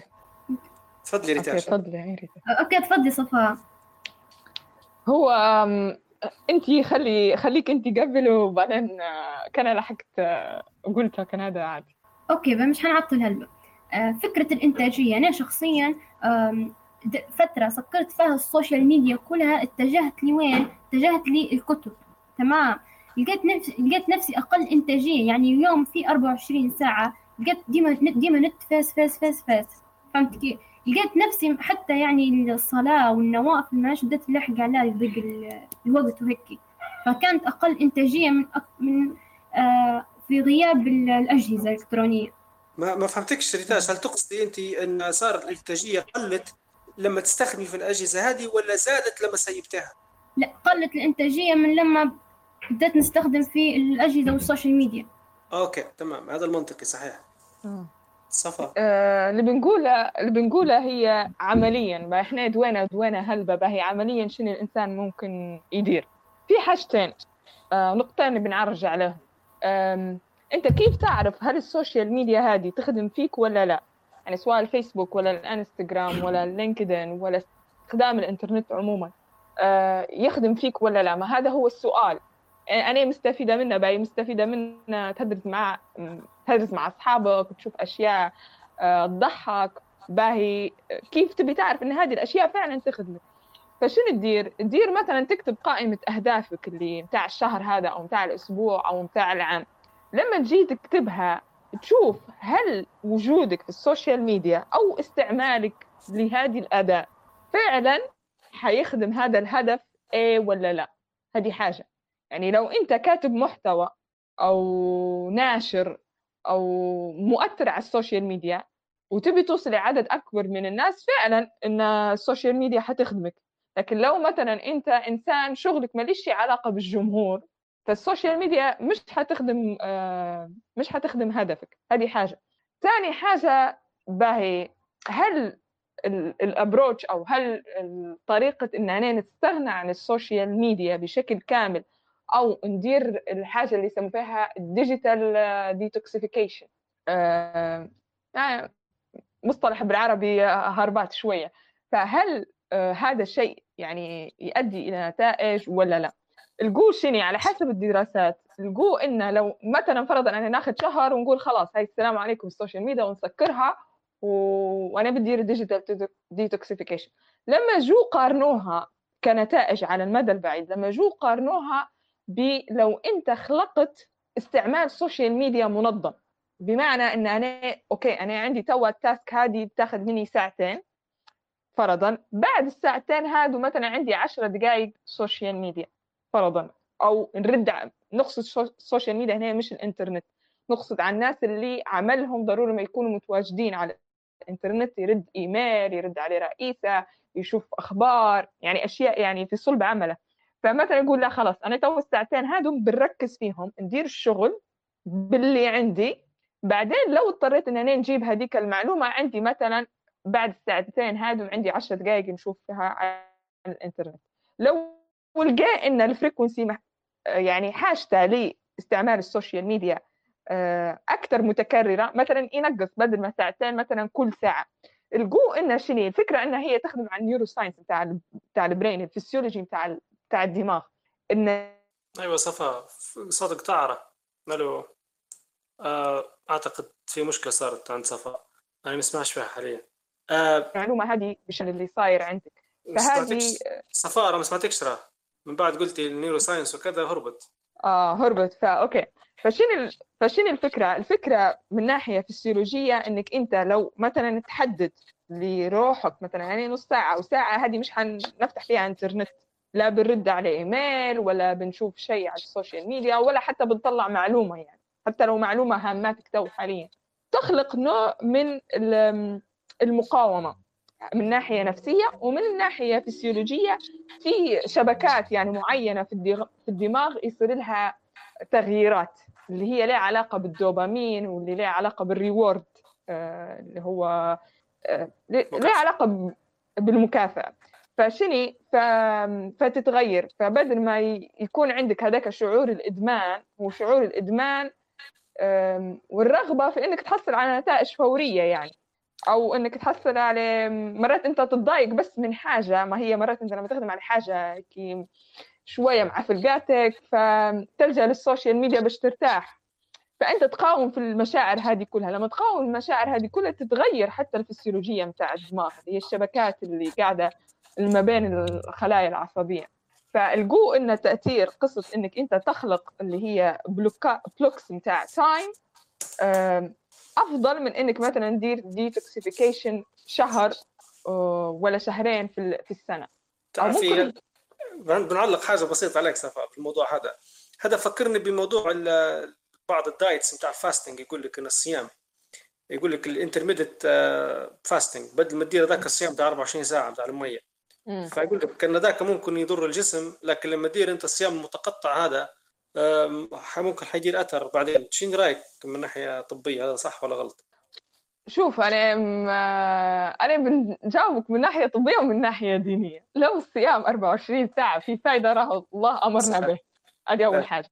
فال intermittent fasting من غير حتى ما نشوف أدلة هو الشيء الصح لأن إحنا كمؤمنين آه، أو مسلمين إحنا مأمورين بالصيام من من آه، من صلاة الفجر تقريبا إلى صلاة المغرب يعني. يعني ساعات النهار.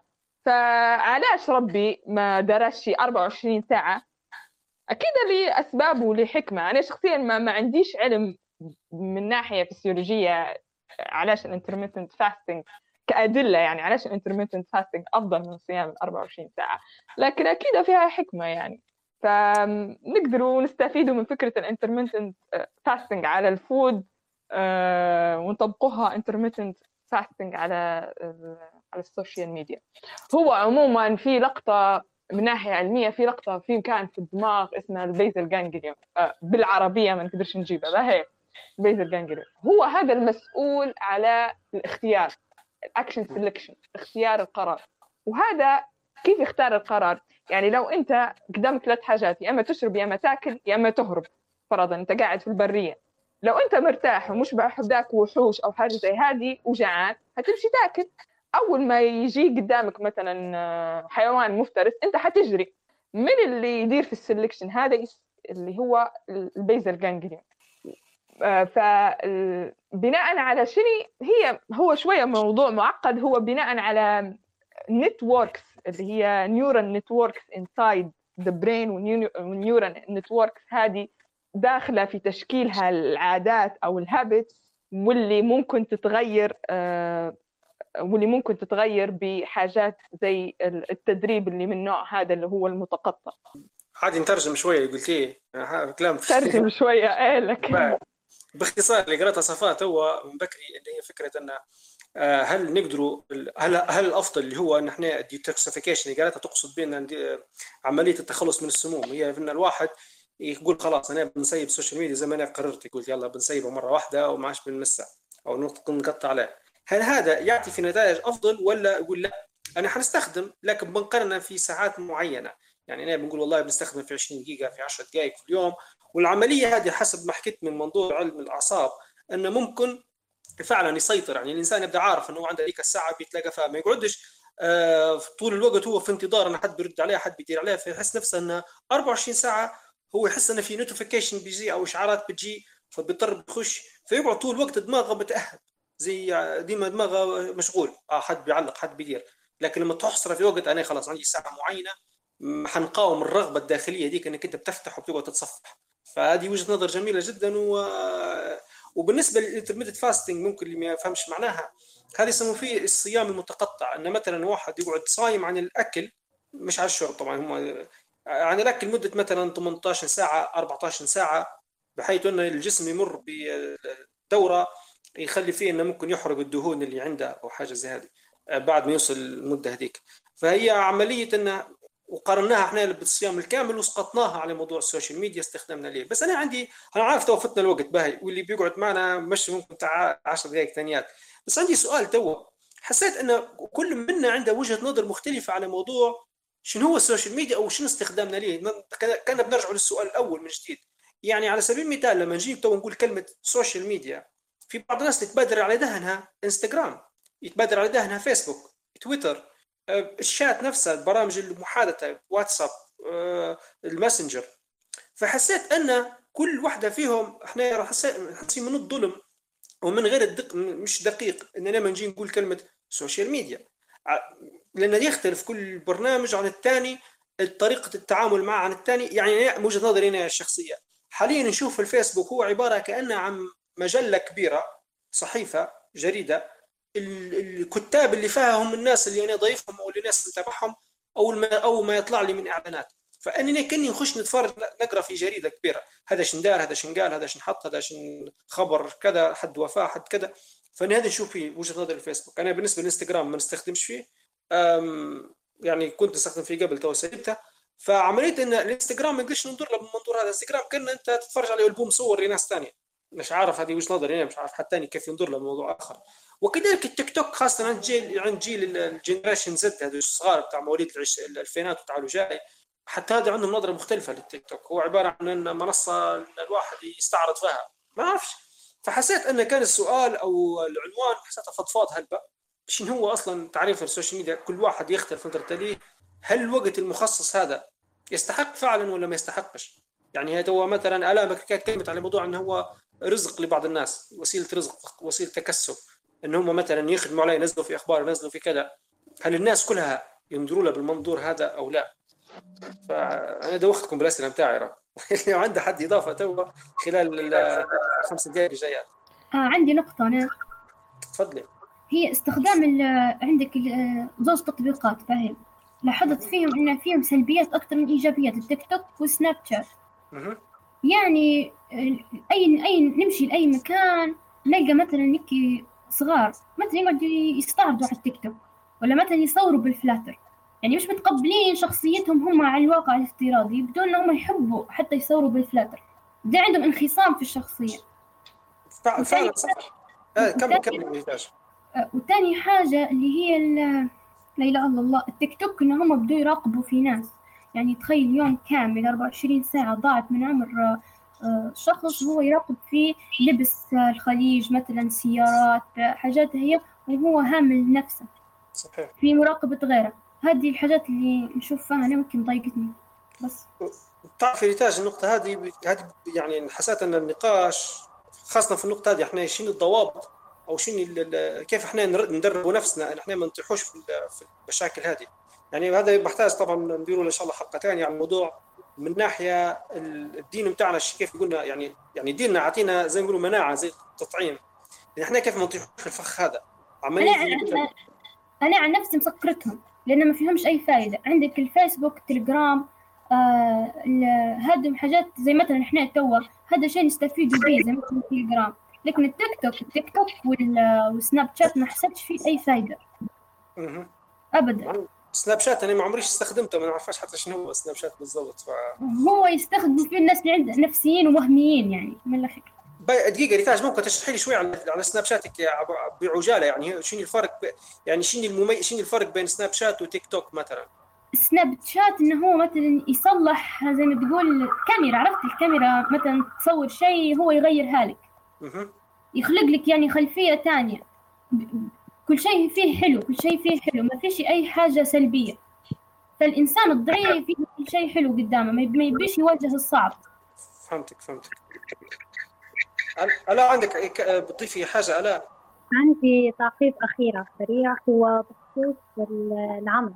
هو أنا بكري العمل في سياق الحديث وفي سياق المميزات وعلاش في بعض الناس ما تقدرش تنفك على مواقع التواصل الاجتماعي. وفي حاجات مهمة عرجت عليها صفاء إن الإنسان حتى لو كانت عنده عمل من الأول قبل قصدي ما يلتزم في وظيفة أنا ما قد تكون على النت بشكل يعني ديما وهيك فالأفضل إنه يشوف هل كل وقته بيقعد على النت أو لا ولا نص وقته. يعني قديش بياخذ منه الموضوع ساعة في اليوم. إن حتى لو أنت قصدي الشيء هذا مصدر رزق ليك وبتاخذ منه فلوس في النهاية هو ياخذ منك.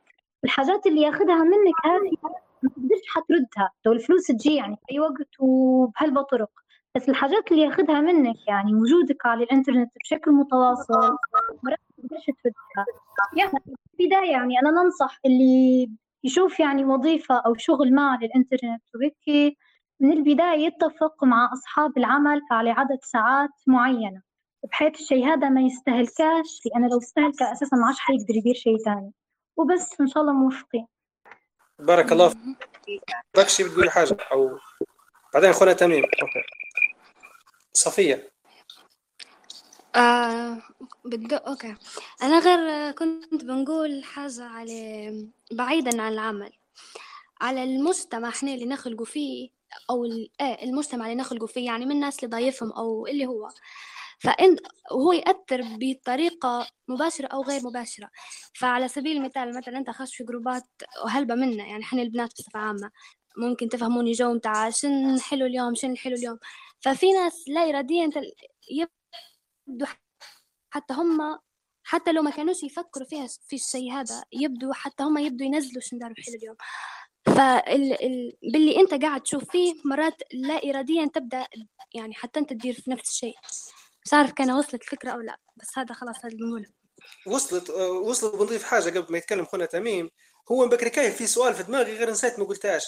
هو هل هل إحنا آه، استخدام ال social media أصبح يعني ضروري لدرجة إن إحنا كأنها حاجة اجتماعية مثلا؟ مثلا الناس يديروا في حاجة معينة هل إحنا لازم نديروا زيهم ولا لأ؟ لا يعني ابدا. هذا اللي بنقول أنا. آه بالضبط. فهمتك. أخونا تميم بكشي بضيف حاجة. وحنخلوها الختاميه معك إن شاء الله. أخوي تميم تسمع فينا؟ السلام عليكم. تمام تفضل. آه نعم هو فيه نقطتين على السريع. النقطة الأولى اللي من بدري حكيتوا فيها نتاع الصيام المتقطع وكذا. هذه جاء فيه موضوع آخر. هو فيه جانب موضوع تقوية الإرادة أو تقوية عضلة الإرادة بحيث أنك أنت تفعل إلى أن يتعود الجهاز العصبي على الفعل ثم تتوقف إلى أن يتعود الجهاز العصبي على التوقف ثم تعود تفعل وهكذا. يعني الصيام أعظم الصيام صيام اليوم بعد يوم. يعني تصوم يوم وتفطر يوم تصوم يوم وتفطر يوم بحيث أن تربي النفس وتقوي عضلة الإرادة كذلك قيام الليل. تنام جزء ثم تقوم جزء ثم تعود تنام. يعني تنام نصف ثم تستيقظ ثلثين ثم ثلثين ثم تنام السدس. وهكذا يعني. فهذا شيء جيد أنا أشوف فيه. يعني أعتقد أنا الشخص اللي يضبط نفسه على ال social media أعتقد من ناحية يعني تقوية الإرادة أفضل من الشخص اللي يترك ال social media بالكامل. أنا أقصد من ناحية ك... من ناحية عصبية يعني. آه هذه نقطة. النقطة الأخرى هو في جانب آخر آه يعني نحتاج ننتبه له. نحن إن الكل يتحدث وأنا منهم آه، وكأن الموضوع لا يعنيه وكأنه في مأمن. بمعنى الكل يتحدث إن ال social media خطير النت خطير الشبكات خطيرة آه، يعني هيك صاير تشوهات نفسية واجتماعية وكأنه لا يعنيه. بما فيهم أنا يعني وكأني أنا في مأمن يعني. وهو هذا غير صحيح. هو الكل واقع في شباك هذه الشبكات و... ويشعر أنه هو في مأمن. فهذه حاجة نحتاج ننتبه يعني مثل الإعلام. الإعلام الكل يتحدث الإعلام يقول لك الإعلام مؤثر والإعلام خطير والإعلام هو من يشكل قناعات الناس والناس مساكين غاسل دماغاتهم الإعلام و و و وكأنه هو في مأمن من هذه المجتمع وهذا البيئة. هذا ما حبيت ان نضيفه وشكرا جزيلا بارك الله فيك. والله بارك الله فيك. ختامها مسك فعلا بارك الله فيك. نصائح أنت نوعا ما حطيت إيدك على نقاط جوهرية جدا موضوع تقوية عضلة الإرادة. وهو هذا اللي إحنا فعلا محتاجينه في تعاملنا مع ال social media. آه بارك الله فيكم. والله كانت آه جلسة رائعة جدا اليوم في الحديث معكم. ساعة و45 دقيقة كانوا رائعات. إن شاء الله آه بإذن الله يعني تو البرنامج هذا المنتدى الفكري وقاعد في بدايته. إحنا قاعدين نحاول زي ما نقولوا قيس وننقو بكي أمتى يندار بالضبط. فحاليا مبدئيا إن بإذن الله حيتكرر لقائنا هذا كل جمعة من الساعة 9 للساعه 10 ونص 10 ونص 45 دقيقه عادي فان شاء الله حيكون الموضوع الثاني حنحاول نديروا تكملة للموضوع. هو نحاول بإذن الله بإذن الله. لو ربي يسخر وأنتم كنتوا حاضرين بنحاول ما نكرروش نفس الكلام اللي قلناه اليوم. حنركزوا ممكن على مشاكل ثانية الأسئلة الأخرى اللي ما جاوبناهاش اليوم آه، موضوع الأطفال بالذات موضوع مثلا كيف استخدام ال social media من منظور آه، تعاطفنا مع الآخرين خاصة قضايا خاصة زي ما صاير حاليا في موضوع الأقصى وفلسطين وقضايا أخرى ممكن صارت وحتصير في المستقبل. نقاشات زاد ما زال الموضوع الاجتماعي الاجتماعي الاجتماعي فعلا يتكلموا عليه موضوع العائلات والأسر والزواج والمشاكل هذه. تحتاج فعلا نقاش معمق أكثر. لكن اليوم حسيت الحمد لله يعني نوعا ما كان متمحور على التواصل الاجتماعي المشاكل الاساسيه متاعها استخدامنا دوافعنا في استخدامها لنا آه، استخدامنا ليه. فبارك الله فيكم شكرا جزيلا. إلى لقاء آخر إن شاء الله. والسلام عليكم ورحمة الله وبركاته.